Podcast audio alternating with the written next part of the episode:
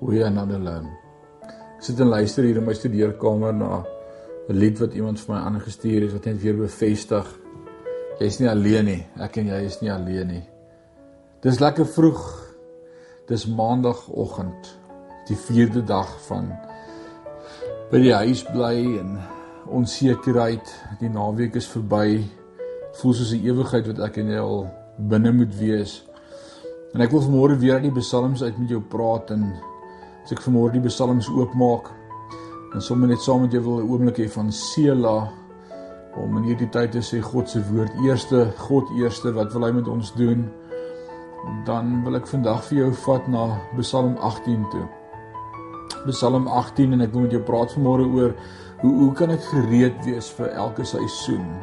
Vra vanmôre vir die Here, Here, hoe kan ons reg wees vir dit waartoe ons gaan? Hoekom voel dit vir ons asof ons nooit reg is vir dit waartoe ons gaan nie? En die Here wys my vanmôre vir ou Dawid.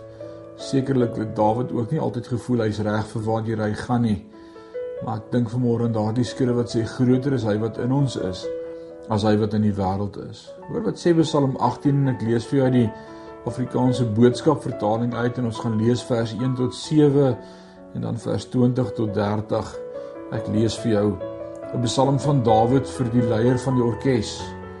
Dawid wat die Here dien, het die Psalm geskryf toe God hom gehelp het. God het hom gered van Saul en die ander mense wat nie van hom gehou het nie. Ek het U lief, o Here. U maak my sterk. By die Here is ek veilig want hy beskerm my. Hy help my as ek in die moeilikheid is want hy is sterk. Ek kruip by hom weg. Hy is my God en hy is reg rondom my om my veilig te hou.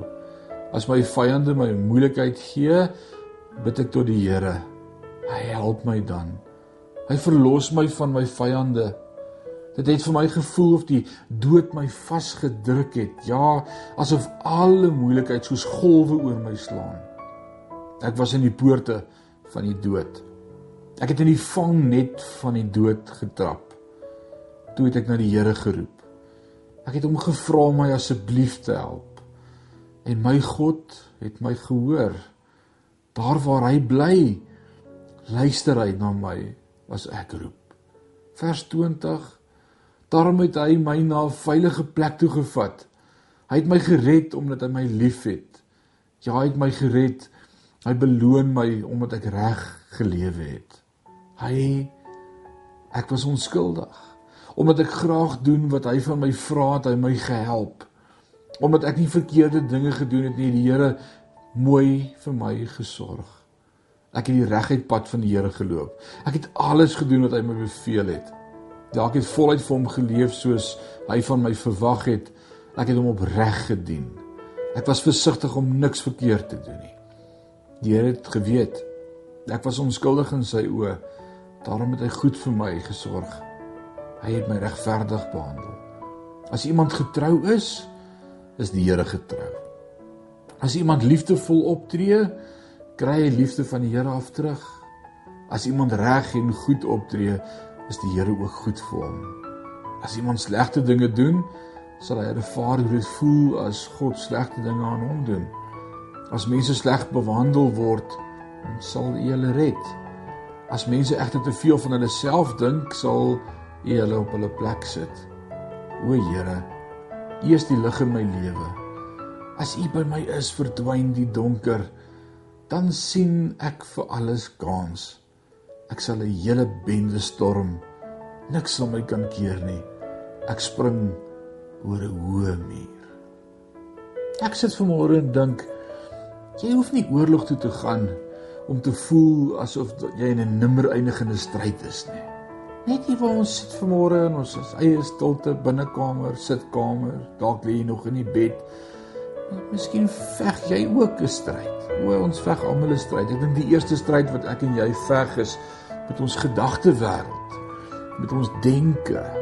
Uh dalk dalk wonder jy of jy werk gaan hê na hierdie tyd van stilte. Dalk wonder jy oor jou finansies of die rekeninge wat gaan aanhou opstapel en die geld om dit te betaal is op. Miskien veg jy selfs in hierdie stryd vir jou huwelik. Voel asof alles uitmekaar gaan val. Dalk veg jy teen siekte. wat onmoontlik lyk om te oorkom. Dalk veg jy in jou binneste hierdie stryd met corona waaroor almal so praat en wat ons hele lewe vir 'n oomblik op pos gesit het. Dikwels lyk die lewensgevegte onoorkombaar. En ons voel nie asof ons die krag het om dit deur te voer nie. Dawid sy hierdie Psalm 18 skryf, hy ken goed van hierdie lewensgevegte. Voordat Dawid Psalm 18 geskryf het, het hy vir sy lewe geveg. Koning Saul wou hom doodmaak. En dit lyk asof hy alles aan sy kant gehad het. Wapens, krygers, rykdom was op sy vingers. Maar Dawid, Dawid het God aan sy kant gehad.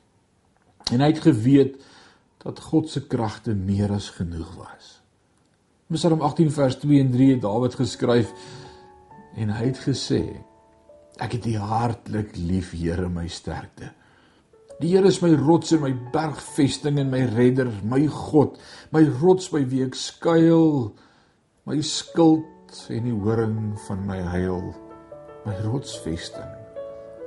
Dieselfde God wat vir Dawid geveg het, veg ook vanmôre vir my en vir jou. God het al die nodige werk gedoen om Saul te verslaan. Dawid se verantwoordelikheid was slegs om na God te luister en sy opdragte te gehoorsaam en God te vertrou dat hy vir die res sal sorg. Ek wil vanmôre vir jou sê dieselfde God wat vir Dawid geveg het, veg ook vandag vir my en vir jou.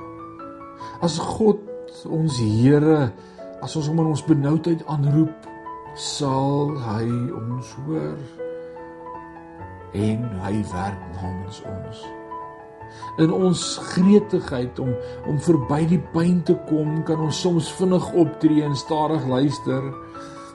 As jy eers God se sterkte begin ervaar, gebeur dit meer en meer na mate ons leer om meer soos Dawid te wees en eerder vinnig om te luister en stadig om sake in ons eie hande te neem.